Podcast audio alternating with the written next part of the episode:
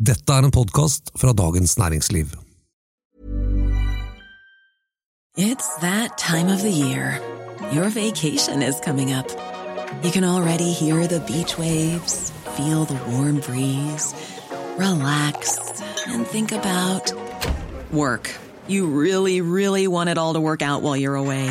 Monday.com gives you and the team that peace of mind. When all work is on one platform and everyone's in sync, things just flow wherever you are. Tap the banner to go to Monday.com. Ever catch yourself eating the same flavorless dinner three days in a row? Dreaming of something better? Well, HelloFresh is your guilt free dream come true, baby. It's me, Kiki Palmer. Let's wake up those taste buds with hot, juicy pecan crusted chicken or garlic butter shrimp scampi. Mm. Hello Fresh. Stop dreaming of all the delicious possibilities and dig in at HelloFresh.com. Let's get this dinner party started. Many of us have those stubborn pounds that seem impossible to lose, no matter how good we eat or how hard we work out. My solution is PlushCare.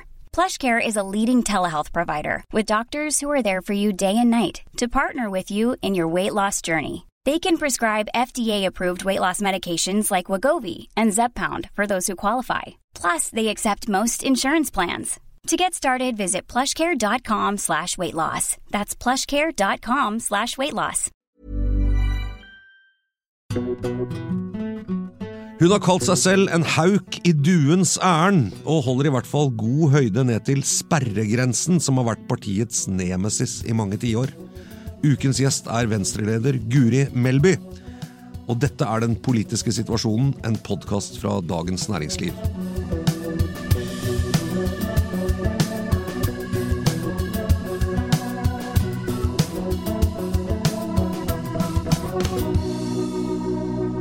Med meg politisk redaktør Fridtjof Jacobsen, og deg, Guri Melby, partileder i Venstre.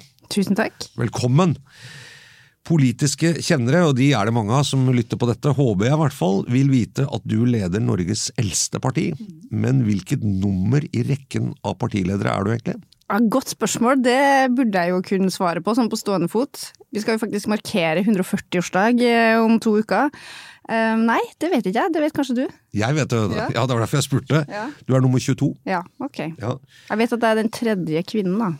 Den tredje kvinnen. Mm. Og de Trine Skei Grande kan du igjen, men den første Eva Kolstad. Eva Kolstad. Etter 1982, det er altså året etter at du ble født, så er det bare Trine Skei Grande som har sittet lenger enn fire år som venstreleder. Du ble valgt i 2020. Hva skjer nå? ja, det er jo mange som har sittet lenger enn det. Lars Bonheim satt vel det lengre? Nei, jeg tror Gjorde han det? Ja, han satt jo helt fra midten av 90-tallet til 2010. Da han, han, gikk jo av på valgnatta i 2009. Ja. Så han har du glemt.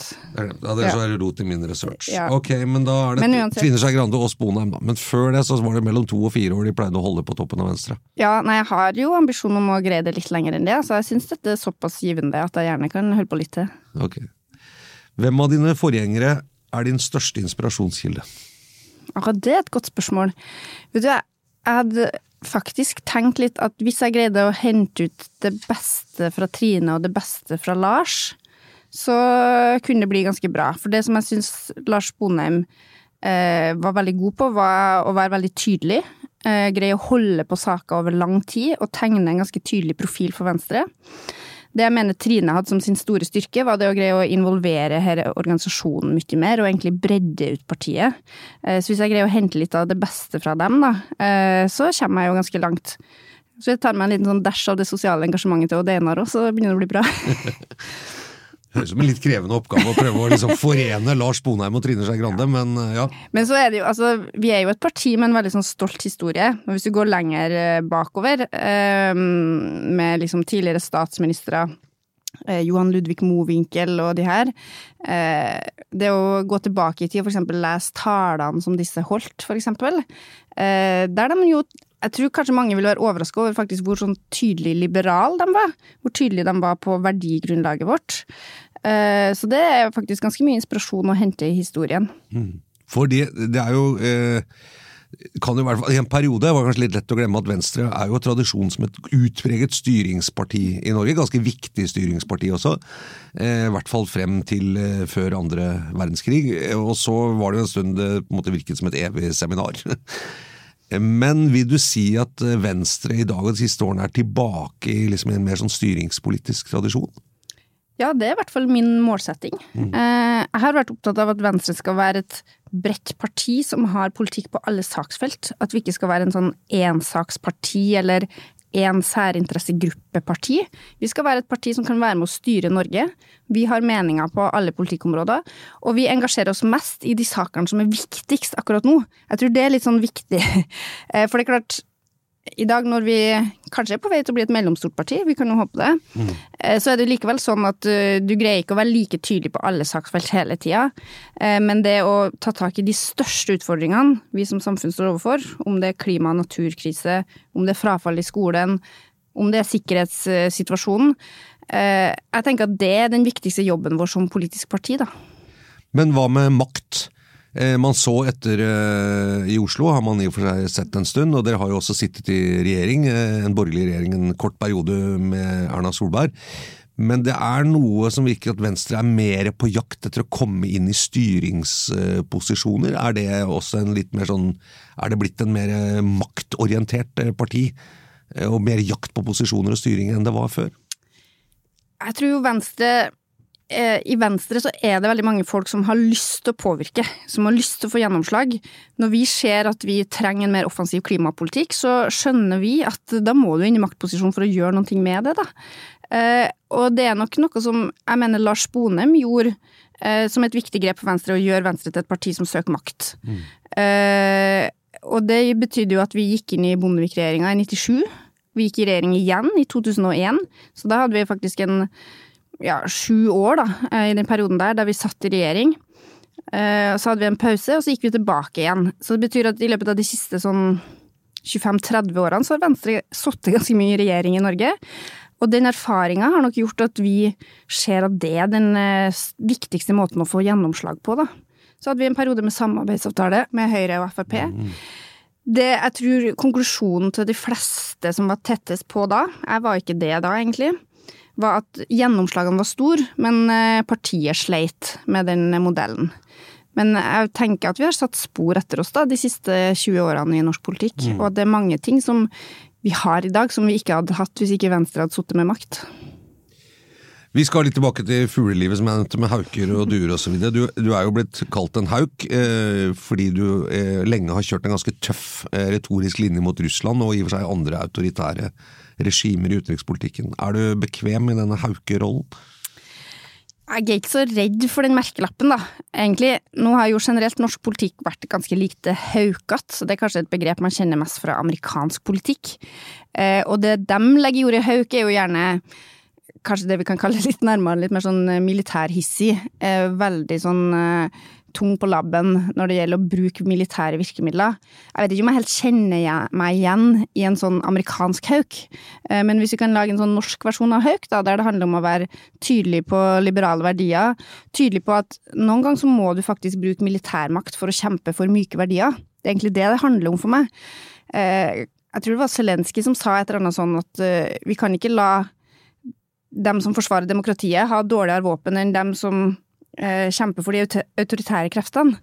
Og vi skulle gjerne kunne kjempe for de verdiene uten bruk av artillerigranater og den type våpen, men det er ikke mulig i dagens verden, da. Dette minner jo litt om den talen Obama holdt da han fikk fredsprisen. Altså, som var litt sånn War for Peace. Ja, hvis du husker den? Ja, jo, jo, jeg husker ja, den. Ja, og jeg, jeg, mener jo at eh, Ja, og det, det er for så vidt veldig få som tror jeg ville kalt Obama en hauk, da. Eh, så som sagt, altså noen ganger så må vi faktisk bruke våpen i kamp for demokratiet, og det er litt sånn de myke verdiene. Eh, og jeg tenker jo at hvis Putin da, i dette tilfellet hadde på en måte sett at eh, ok, det er bare å valse over disse frie demokratiene, de er ikke villige eller har ikke evne til å stå imot, da tror jeg vi skaper en mer farlig verden for alle sammen.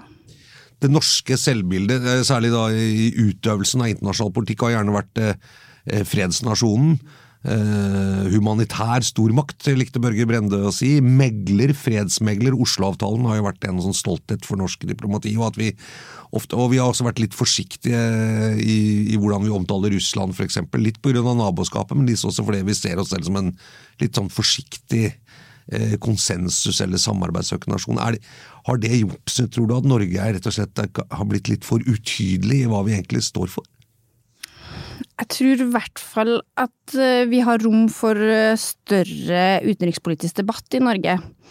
Ehm, vi har jo vektlagt veldig sterkt at vi skal ha på en måte en langsiktig politikk. Eh, omverdenen skal liksom vite hvor man har Norge, og det skal ikke være for store svingninger, f.eks. om man skifter regjering eller, eller den type ting. Ehm, jeg tror det har ført til litt mangel på debatt om de linjene vi har valgt da, i Norge. Du har hatt noen få sånne tydelige stemmer, sånn SV om kampen mot Nato-medlemskap, vi har hatt EU-debatter, men relativt lite om nettopp denne rollen som du trekker fram, da, den her liksom diplomatrollen.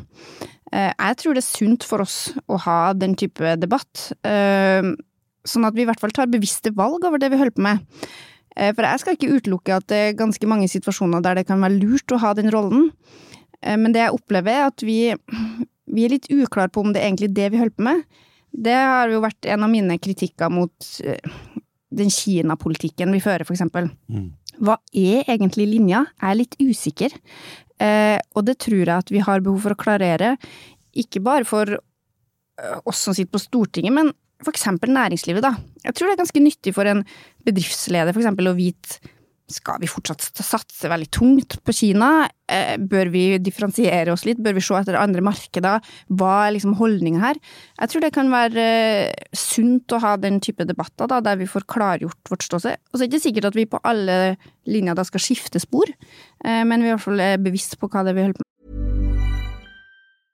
How would you like to look five years younger? In a clinical study, people that had volume added with Juvederm Voluma XC in the cheeks perceived themselves as looking five years younger at six months after treatment. Look younger, feel like you. Add volume for lift and contour in the cheeks with Juvederm Voluma XC. Reverse signs of aging by adding volume to smooth laugh lines with Juvederm Volure XC. For important safety information and to find a licensed specialist, visit Juvederm.com. That's J U V E D E R M.com. Not for people with severe allergic reactions, allergies to lidocaine, or the proteins used in Juvederm. Common side effects include injection site redness, swelling, pain, tenderness, firmness, lumps, bumps, bruising, discoloration, or itching. There's a risk of unintentional injection into a blood vessel, which can cause vision abnormalities, blindness, stroke, temporary scabs, or scarring. Talk to a licensed specialist to find out if it's right for you. Hold up. What was that? Boring. No flavor. That was as bad as those leftovers you ate all week. Kiki Palmer here, and it's time to say hello to something fresh and guilt-free. Hello Fresh. Jazz up dinner with pecan-crusted chicken or garlic butter shrimp scampi. Now that's music to my mouth. Hello Fresh. Let's get this dinner party started. Discover all the delicious possibilities at hellofresh.com.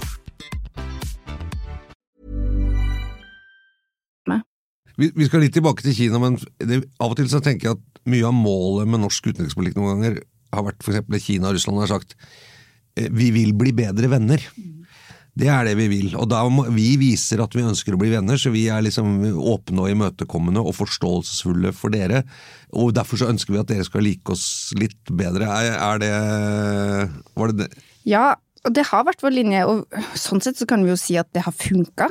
Eh, vi har jo, det er flere som trekker fram det, vi er jo et av få naboland til Russland som aldri har opplevd en form for eh, invasjon eller den type sånn negative aksjoner, da. Mm. Så det har nok tjent oss godt. Men jeg tror vi må stille spørsmålet om den linja holder for framtida, da. Da Russland annekterte Krim i 2014, så var jo norske myndigheter egentlig for første gang veldig tydelige på at uh, dette er uakseptabelt. Uh, og dette endrer vårt forhold til Russland for alltid. Mm. Og så mener jeg det egentlig tok åtte år før vi tok det inn over oss for fullt, da. Uh, før fullskalainvasjonen i Ukraina. men egentlig så var det på en måte eh, vendepunktet i Norges forhold til Russland. Og den debatten har vi egentlig ikke starta på engang. Eh, hva er liksom de langsiktige konsekvensene for Norges forhold til Russland? Vi har jo fortsatt f.eks. For disse fiskeriforhandlingene. Mm. Eh, det kommer egentlig bare en sånn pressemelding som legges ut på regjeringa.no at nå har vi blitt enige. Og det er jo fint, det, men eh, ja eh, Jeg tror vi trenger en litt sånn grunnleggende debatt om hvordan vi skal forvalte det forholdet framover, altså. Ukraina. Eh, hvor står Vestens støtte til Ukraina nå ved inngangen til 2024, sånn som du vurderer det? Det er mange som har kalt dette et skjebneår for Ukraina, og det er jo en analyse som jeg er enig i. Eh, det som skjedde på slutten av 2023, var at eh, verken Kongressen i USA eller EU greide å bli enige om ganske omfattende støttepakker til Ukraina. Og det betyr at Ukraina nå står med en veldig stor usikkerhet på hvordan de skal finansiere sin forsvarskamp videre. Nå kan vi jo håpe at begge disse støttepakkene detter på plass da, snart, men samtidig så er det en del andre mørke skyer i horisonten nå. Eh, for når eh, Biden sliter såpass mye med å få gjennom en støttepakke, så kan du jo tenke deg hvordan det politiske landskapet ser ut når det nærmer seg en eh, valgkamp med Trump, mest sannsynlig, da, inn i bildet, og ikke minst dersom Trump blir valgt. Ungarn skal ta over formannskapet i EU nå. Det er dem som har blokkert for en støttepakke der. Så vi kan håpe at det går bra, men jeg tror ikke vi kan lene oss tilbake og være sikre på det. Eh, så hvis ikke de to viktige pakkene detter på plass, så oppnår jo Putin det han faktisk har ønska seg lenge, nemlig at den vestlige støtten forvitrer. Hvor tror du støtten til Ukraina står når dette året er over? 1. januar 2025, for eksempel. Så som leder av et liberalt parti, så må jeg nesten være optimistisk, da. så jeg tenker jo at uh, Uh, mitt ønske er i hvert fall at både EU og USA fortsetter sterk støtte. Norge øker sin støtte. At vi har blitt enige om et Nansen-program som er enda mer omfattende enn det vi har vedtatt. Uh, at ikke Trump har blitt valgt som president i USA. Og at Vesten fortsatt skjønner at altså det å bruke penger på Ukraina, det er faktisk, selv om det er dyrt, så er det den billigste investeringa i vår egen sikkerhet. Altså vi må trappe opp eget forsvar, egen sikkerhet. Men det å øh, bruke mer penger på at Ukraina har en sjanse til å stå imot det her, det er det billigste vi kan gjøre. Hvordan vurderer du det som øh, har skjedd på Gaza, som har skjedd der siden oktober? Ja, dette kom jo veldig brått på alle, i hvert fall øh, omfanget av det. Um, vi var jo på komitéreise der, faktisk med utenrikskomiteen for et og et halvt år siden. Og det som var en måte, måten man omtalte på da, var jo at dette for så vidt var en av de roligere periodene vi har hatt på lang tid. Eh, Israel var i forhandlinger med Saudi-Arabia om en avtale som gjorde at eh, mange tror jeg tenkte at, eh, at nå ville det roe seg litt. Det sa også USAs utenriksminister. Og så skjer denne eksplosjonen da, etter det terrorangrepet til Hamas. Eh, og jeg tror jo vi må forstå hvor mye det vekker i det israelske folk. Eh, hele grunnlaget for opprettelsen av staten Israel er jo det å kunne beskytte den jødiske befolkninga. Det greide de ikke den dagen. Eh, så myndighetene hadde jo åpenbart behov for å svare på dette. Og ikke minst også gjøre det de kan for å få ut gislene som fortsatt sitter der. Og så ser vi jo nå det mest brutale og blodigste som vi har sett. Eh, I hvert fall som jeg kan huske, egentlig. Eh, noen sted. Dødstallene er jo helt enorme. Eh, ødeleggelsene er helt enorme. Eh, så det er jo Er det en overreaksjon? Ja, det er en overreaksjon. Ja. Og det er, det Veldig mange er jo veldig tydelige på at det er uten tvil brudd på folkeretten. Én ting er å ha målretta angrep for å prøve å ta ut Hamas, men en annen ting er de massive lidelsene det gir for sivile som er uproporsjonalt. Eh, det at sykehus for eksempel i så stor grad har blitt ramma, og den type sivil infrastruktur. Det at nødhjelp ikke kommer inn, og ikke minst at folk er sperra inne på denne Gazastripa. Mange andre steder der det er den type brutal krigføring, så finnes det en mulighet for folk å komme seg ut. Og selv om ikke det er en varig løsning, så er det i hvert fall noe som reduserer på en måte tapene, da. Eh, nå ser vi at eh, det er ikke bare bombene som dreper folk, de sulter, de blir syke, de får ikke noe hjelp. Eh, så jeg mener jo verdenssamfunnet må gjøre det vi kan for å greie å få en våpenhvile her. Det er ingen varig løsning. Det betyr ikke at situasjonen i Midtøsten har løst seg, men den type intensitet som vi har sett i krigføringa nå, eh, den må ned, rett og slett. For dette kan vi ikke tåle. Det vi ikke ser, er en flyktningstrøm, som vi ville sett fra, fra Syria. Da Assad eh, bombet og utslettet byer og drepte sivilbefolkning, fikk vi jo en flyktningstrøm. Men vi har ikke sett derfra, som du sier, de har ikke noe sted å, å dra. Nei, og hvis de hadde fått dra, så er jeg faktisk veldig usikker på om de ville ha gjort det òg. Mm. Eh, mange er nok veldig redd for å forlate dette landet, eh, fordi da frykter de at de aldri vil få det tilbake igjen. Eh, og at Altså, de har veldig dårlige odds, men eh, de beste sjansene for et fritt liv er kanskje tross alt å bli på Gaza, da. Israel omtales jo ofte som det eneste demokratiet i Midtøsten, og dermed at det har et slags spesielt bånd til oss i Europa og USA, selvfølgelig. Men er du enig i at Israel er et uh, ordentlig fritt og liberalt demokrati? Altså, det er jo et demokrati i den forstand at de gjennomfører frie valg. De har uh, pressefrihet, for så vidt det fungerende presse. Det er mange kritiske røster mot dagens regjering, eksempel, som slipper til. Så det er jo ganske stor offentlig debatt i Israel også om det som skjer. Det som er skremmende, er jo at eh, i valg da, så har jo israelerne endt opp med å eh, velge veldig høyreradikale krefter inn Netanyahu eksempel, og ikke minst også flere i hans regjering. Som, altså det er flere der som er bosettere sjøl, og som aktivt måtte promotere den politikken, da, som egentlig i praksis er en utslettelse av palestinerne. Men det har jo skjedd gjennom frie valg, eh, så vi kan nok si at det er et demokrati, men akkurat nå så er det et demokrati som ikke kjemper for de samme verdiene som det vi gjør, da. Men politikken overfor palestinerne, bosetningspolitikken eksempel, er det i tråd med det Venstre mener er helt sånn grunn, grunnleggende demokratiske idealer? Bosetterpolitikken er slett ikke det. Nei. Det er jo ulovlig bosetting. Eh, det er jo en form for okkupasjon, egentlig det samme som Russland har holdt på med på Krim da, siden 2014.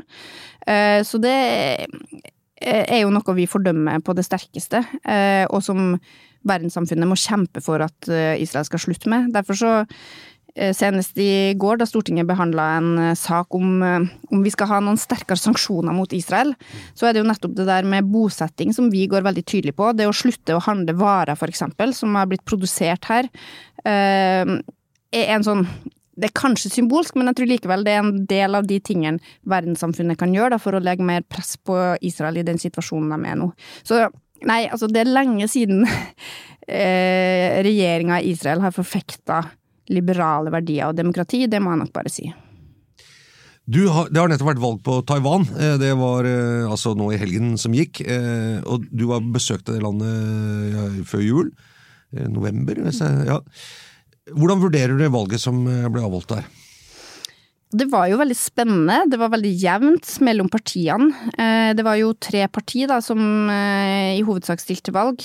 Både valg av president og valg av deres lovgivende forsamling da, samtidig. og det ble, vi kan vel kalle det en knepen seier da, til det som er vårt søsterparti, DPP. Det er jo et parti som ble stifta ja, på 90-tallet, hvis jeg husker riktig. Etter etter eh, en sånn frigjøringskamp da, i, på Taiwan, eh, der eh, Chai Kang-sheks regime egentlig hadde holdt en litt sånn jernhånd rundt befolkninga. Så det var et annet regime enn på fastlandet, men det var fortsatt et ganske autoritært regime også på Taiwan. Eh, men en eh, frigjøringskamp som gjorde at det ble lov å etablere nye partier. Da fikk vi et liberalt parti, og de vant vel valg første gangen da Eh, tidlig på 2000-tallet. Og fikk jo nå sin tredje periode. Det vil jeg jo si, altså det er jo egentlig et mesterstykke, det klarer jo ikke norske politikere engang. Og når du vet at de i tillegg er utsatt for massiv propaganda fra Kina, som jo ikke ønsker at DPP skal inneha denne type makt, eh, så tenker jeg at det er ganske imponerende, altså. Og DPP eh, er det partiet som kanskje størst legger vekt på det man kan kalle en taiwansk nasjonal identitet. Mm. Eh, et land hvor mange lenge definerte seg som kinesere. Mm. Som de ekte kineserne, og den ekte eh, Mens andre, men så har det grodd fram, da, særlig blant yngre, å si at nei, vi er annerledes. Vi er taiwanesere, som et eget folk. Uh, og dette, DPP har jo uh, ofte spilt mer på det enn de andre, og dermed så sa jo Kina at dette var jo hvis økte us, sånn, Det var et, var et fiendtlig parti for Kina. Økte faren for krig, invasjon uavhengighet osv. Ble det farligere etter denne seieren? Jeg syns det er et godt spørsmål, eh, som egentlig ikke har et sånt rett fram svar. Um, det Han som ble valgt som president, da, har jo tidligere egentlig markert seg som en som har stått opp for Taiwans uavhengighet. Og DPP hadde jo tidligere programfesta at de ønska uavhengighet for Taiwan. Og så opplever jeg at der har det kanskje også vært en utvikling, kanskje litt sånn som Venstre, at man har blitt mer sånn realpolitisk. Ja. Ja. og at eh, det måten de snakker om det på nå, er jo at eh, altså, Taiwan har alltid vært et eget land, sier de. Vi trenger ikke å erklære noe uavhengighet, for vi, vi velger presidenten vår sjøl, og vi, vi, er på en måte et selvstendig land, så vi trenger ikke noen sånn erklæring på det. Så jeg opplever nok at mange der også jobber veldig hardt for å ha en sånn hårfin balanse, da. Der de har en selvstendighet, men de ikke har behov for å markere det så veldig overfor fastlandskina. Uh, så jeg føler meg egentlig ganske trygg på at de greier å forvalte den linja på en god måte. Eh, og jeg tror nok for folkene på Taiwan så ville det jo eh, vært en større fare for deres demokratiske rettigheter dersom Nasjonalistpartiet hadde vunnet, mm. eh, som jo eh, i større grad fører en mye mer sånn Kina-tro politikk, da. Eh, og den enkleste måten for Kina å øve innflytelse på Taiwan, er jo å gjøre det politisk, ikke sant. De vil jo helst slippe å foreta seg noe sånn militært eller noe sånt. Det beste er jo bare kunne ta over det samfunnet litt sånn sakte, men sikkert politisk, litt sånn som de har gjort i Hongkong. Mm. Eh, så jeg tror den veien ville vært veldig mye lettere for eh, Xi Jinping, da, dersom eh, KMT, Nasjonalistpartiet, hadde vunnet valget. Mm. Så sånn sett så mener jeg dette viser at det er en ganske sånn robust grunnmur av et sånt demokratisk tankesett på Taiwan. Og det er ganske oppsiktsvekkende, siden det demokratiet er så ungt. Det eh, politiske besøk til eh, Taiwan eh, er jo sensitivt. Eh, når amerikanere har gjort det, har det jo blitt ganske mye bråk eh, og mye sånn militær aktivitet fra Kina og sånn. Jeg vet ikke om det, var, om det var så mye når lederen for Venstre kom, men, men har, du, har, du, fått noen henvendelser, har du merket noe etterpå? Har det vært kinesiske reaksjoner på ditt besøk der? Det kom vel en reaksjon fra den kinesiske ambassaden, eh, som ikke likte det her, men ellers har ikke vi merka noe. og vi var litt sånn opptatt av å avdramatisere det, for det reiser mange delegasjoner fra andre europeiske land dit. Eh, de fortalte at det hadde vært opp tre, jeg tror det var tre forskjellige delegasjoner fra Sverige, eksempel, mm. Eh, det siste året. Eh, og jeg tror jo Mitt mål er jo egentlig å bidra til å normalisere den type relasjon da, med Taiwan, så jeg håper jo egentlig at flere norske politikere gjør det samme. Både fordi at vi trenger å vise at vi støtter jeg kan nesten gå så langt som altså, I den regionen der så er det vel omtrent det eneste liberale demokratiet. Jeg tror det er vært rangert som et av de ti mest demokratiske landene i verden.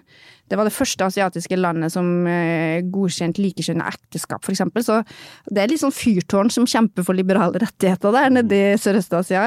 Eh, så jeg mener vi trenger å vise at vi støtter det. Og så tror jeg faktisk det kunne vært veldig positivt for for norske bedrifter, for norsk økonomi, å ha mer samarbeid med Taiwan ikke bare er de et godt utvikla demokrati, de er også en veldig god, godt utvikla økonomi.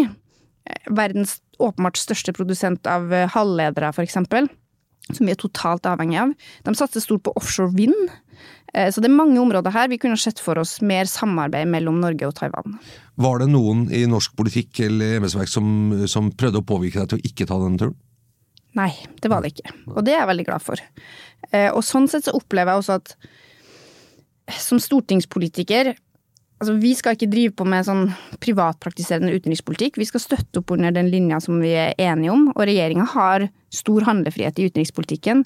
Men jeg mener også at vi på Stortinget har et ganske stort ansvar i å løfte ulike tema, eh, engasjere oss, og at vi kan bruke den rollen i nettopp en sånn type sak, da. Litt om norsk politikk. Eh, I dag er det onsdag når vi tar opp dette, og det er kommet en måling i Aftenposten og NRK. Der er Venstre større enn Senterpartiet. Er det caffè latte-gjengens hevn? Ja, altså det har jo vært ganske mange målinger nå, faktisk, der vi er større enn Senterpartiet. Eh, det er jo et parti som eh, springer ut fra Venstre sånn i gode gamle dager, så det skulle bare mangle at vi tar tilbake eh, posisjonen som det største. Nei, men altså vi har hatt mange gode målinger i det siste. Jeg tror snittet nå i januar er på 5,9 eller noe sånt.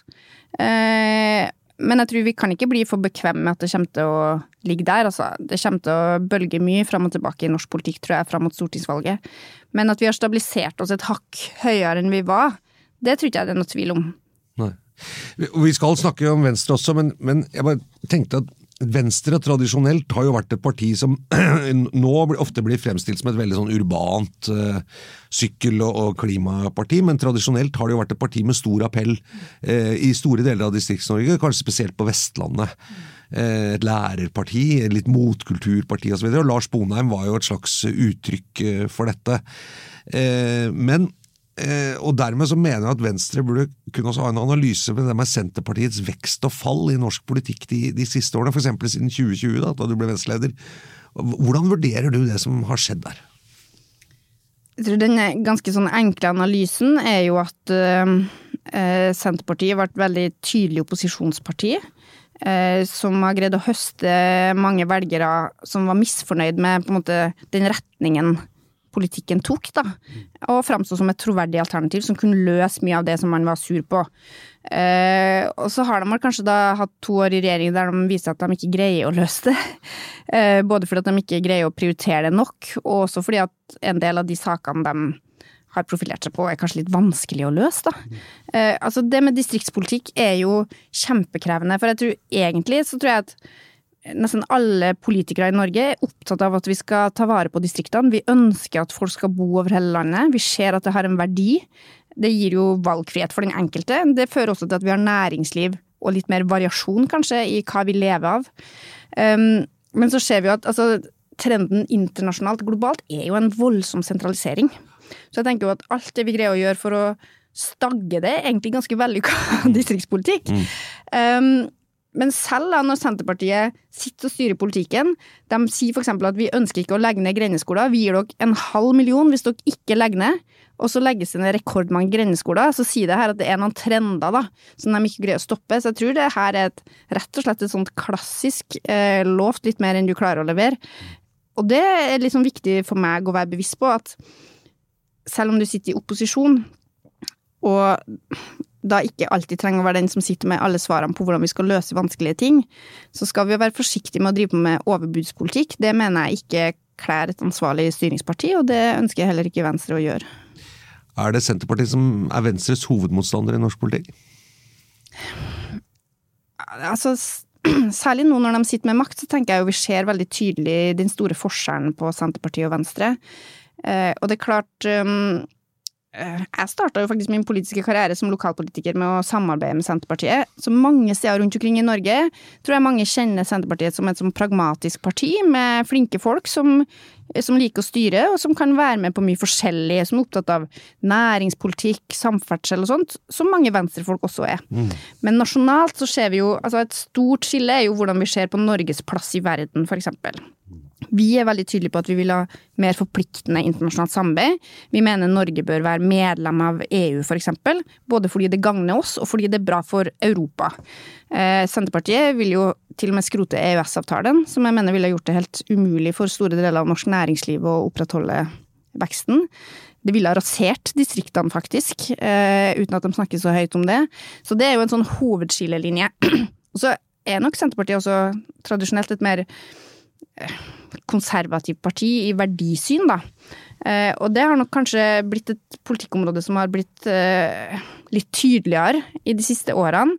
Eh, de her verdidebattene. Noen kaller det identitetspolitikk og snakker litt negativt om det, men det handler jo faktisk også om hva slags type samfunn vi skal ha, om det skal være rom for å være annerledes, rom for å skille seg ut.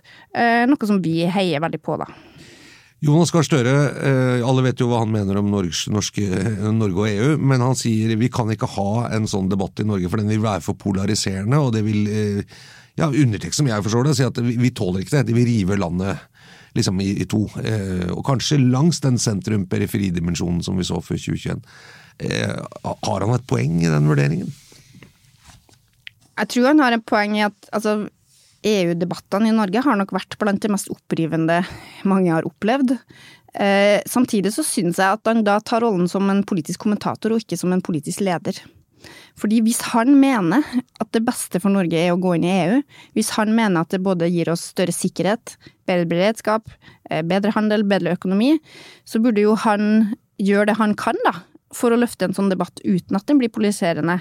Så når han ikke Når han på en måte litt abdiserer litt i det spørsmålet, så syns jeg også at han abdiserer litt som politisk leder, og heller tar rollen som en slags sånn ekspertkommentator. Er det ikke et demokratisk problem at ingen som er født etter 1976 har fått si sin mening om Norges tilknytning til Europa? Altså Verken ja eller nei, eller EØS eller noen ting? Jo, jeg mener det er et demokratisk problem. Eh, jeg er jo i den kategorien sjøl. Jeg husker jo veldig godt EU-debatten i 1994. Jeg tror mitt engasjement strakk seg til at vi laga noen sånne ja-buttons på sløyden på okay. ungdomsskolen. Um, og det er klart at noe som har så stor betydning, eh, som er så inngripende for samfunnet vårt, at ikke vi har fått være med på en ordentlig debatt og avstemning om det, det syns jeg er et demokratisk problem. Og derfor så eh, tror jeg nok også en av Venstres viktigste kamper mot 2025 da, eh, vil være at vi må få en ordentlig norsk EU-debatt. Eh, sånn det ser ut nå, så kan det jo bli et borgerlig flertall. I hvert fall det borgerlige flertallet som vi kjente fra 2013 til 2021, med Høyre, Fremskrittspartiet, Venstre og KrF. Eh, er denne blokken i norsk politikk fortsatt intakt i dag? Altså, jeg tror det som har skjedd etter stortingsvalget i 2021, da hadde jo disse fire partiene på ulike vis, i ulike formasjoner, samarbeida i åtte år.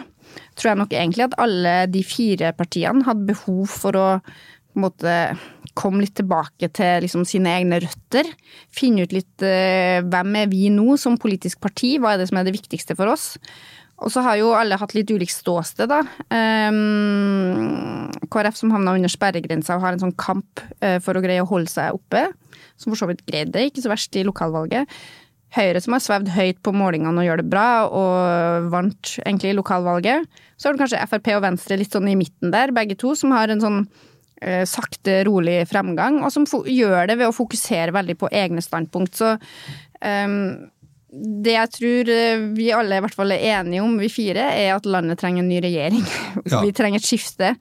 Eh, og så er vi nok ikke enige om eh, alle sakene innafor det. Men vår rolle i Venstre har i hvert fall vært å si at vi skal gjøre det vi kan for å bidra til et sånt skifte, og vi ønsker makt sjøl. Men en ny regjering er en ting, men trenger vi også en ny statsminister? Jeg mener vi trenger en ny statsminister. Vi trenger en statsminister som tør å lede landet, og som svarer på de utfordringene vi ser. Klarer disse fire partiene, som de gjorde i 20, eh, 2011, da, 12, ja, noen endte kanskje helt til, til 13 også, men å si at eh, hvis du stemmer på oss, så stemmer du på en borgerlig regjering, så får vi se hvordan den blir. Eh, er det der vi også kommer til å stå i 2025 med disse fire partiene?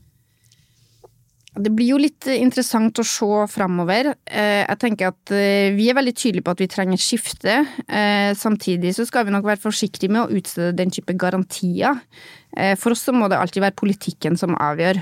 Eh, Det er ikke noe vits i å skifte regjering hvis en ikke kan føre en mer offensiv klimapolitikk, eller en bedre skolepolitikk, eller en eh, annen retning i utenrikspolitikken. Eh, Der vi eksempel går aktivt inn for mer internasjonalt samarbeid. Så det å bare si at vi skal skifte uten å være sikker på at vi får den politikken vi vil ha, det vil ikke jeg være med på. Men jeg tror folk skal være veldig klar over eh, hva Venstre vil, og vi, er ganske, vi kommer til å avklare i god tid før valget i 2025 både hvilke partier vi vil samarbeide med, og hvem som er vår statsministerkandidat. Kan Venstre sitte i regjering med Frp, slik dere gjorde i en kort periode i eh, 2019? 20, noe sånt? det? Ja, det var, ja, det var faktisk fra 20, vinteren 2018 fram Ja. til 2020. Ja. Eh, Så det var to år der. Eh, Det som er litt interessant, da, var jo at eh, det var jo Frp da, som valgte å gå ut av den regjeringa. Ja. Eh, Og de mente den ble litt for grønn og litt for liberal. Ja. Eh, Så vi var for så vidt veldig fornøyd med den regjeringa, vi. Både da Frp satt der, og også da de gikk ut. eh, Og syntes at den politikken som førtes da, var, var helt i tråd med den retninga vi ønska for Norge. Så det er noe, det er ikke noe sånn eh, dogmatisk problem for dere å sitte i en regjering sammen med Frp, egentlig? Altså For oss så er det politikken som avgjør. Jeg tenker at de åtte årene viste oss at det går an å få til veldig mye på borgerlig side i norsk politikk. Eh, Vi gjorde jo faktisk et bedre valg i 2021 da enn i 2017, så vi er jo et av få partier som faktisk har kommet styrka ut av et regjeringssamarbeid. Og så tror jeg vi skal heller ikke late som at det var Altså, eh, vi endte jo opp til slutt da med å sitte i den regjeringa vi faktisk hadde ønska oss fra starten av.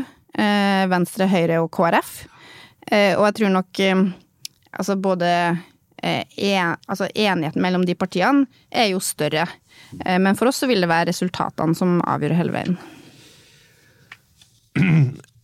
Kan Venstre stille seg bak Erna Solberg som eh, statsminister etter aksjeskandalen i fjor? Ja, det er det egentlig for tidlig å gi et klart svar på. Um, vi har vært litt opptatt av at vi faktisk skal følge de prosessene som vi har lagt. Den saken er ikke ferdigbehandla på Stortinget ennå. Uh, kontrollkomiteen skal uh, avgi en innstilling nå ganske snart, der man både omtaler Erna Solbergs sak, men også en lang rekke andre politikere sine habilitetssaker.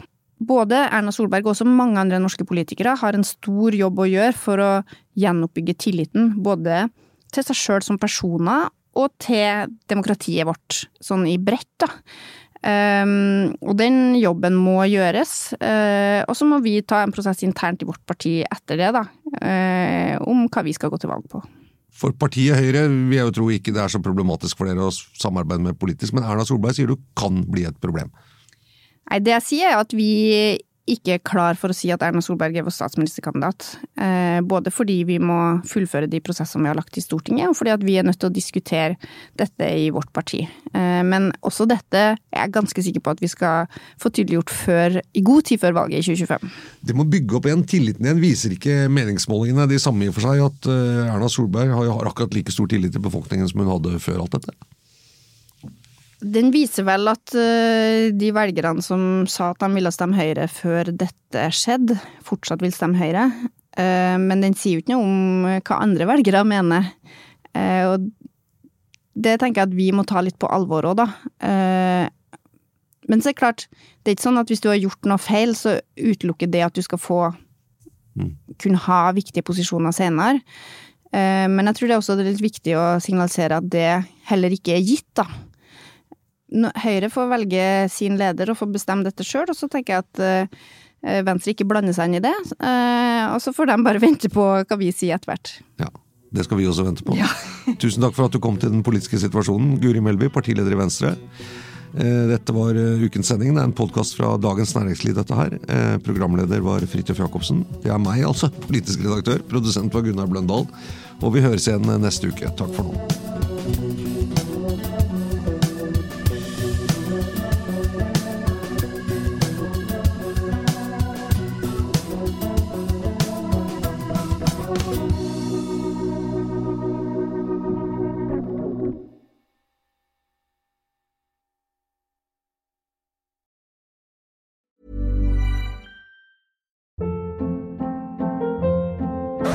Hold up. What was that? Boring. No flavor. That was as bad as those leftovers you ate all week. Kiki Palmer here, and it's time to say hello to something fresh and guilt-free. Hello Fresh. Jazz up dinner with pecan-crusted chicken or garlic butter shrimp scampi. Now that's music to my mouth. Hello Fresh. Let's get this dinner party started. Discover all the delicious possibilities at hellofresh.com. Du har nå hørt en podkast fra Dagens Næringsliv.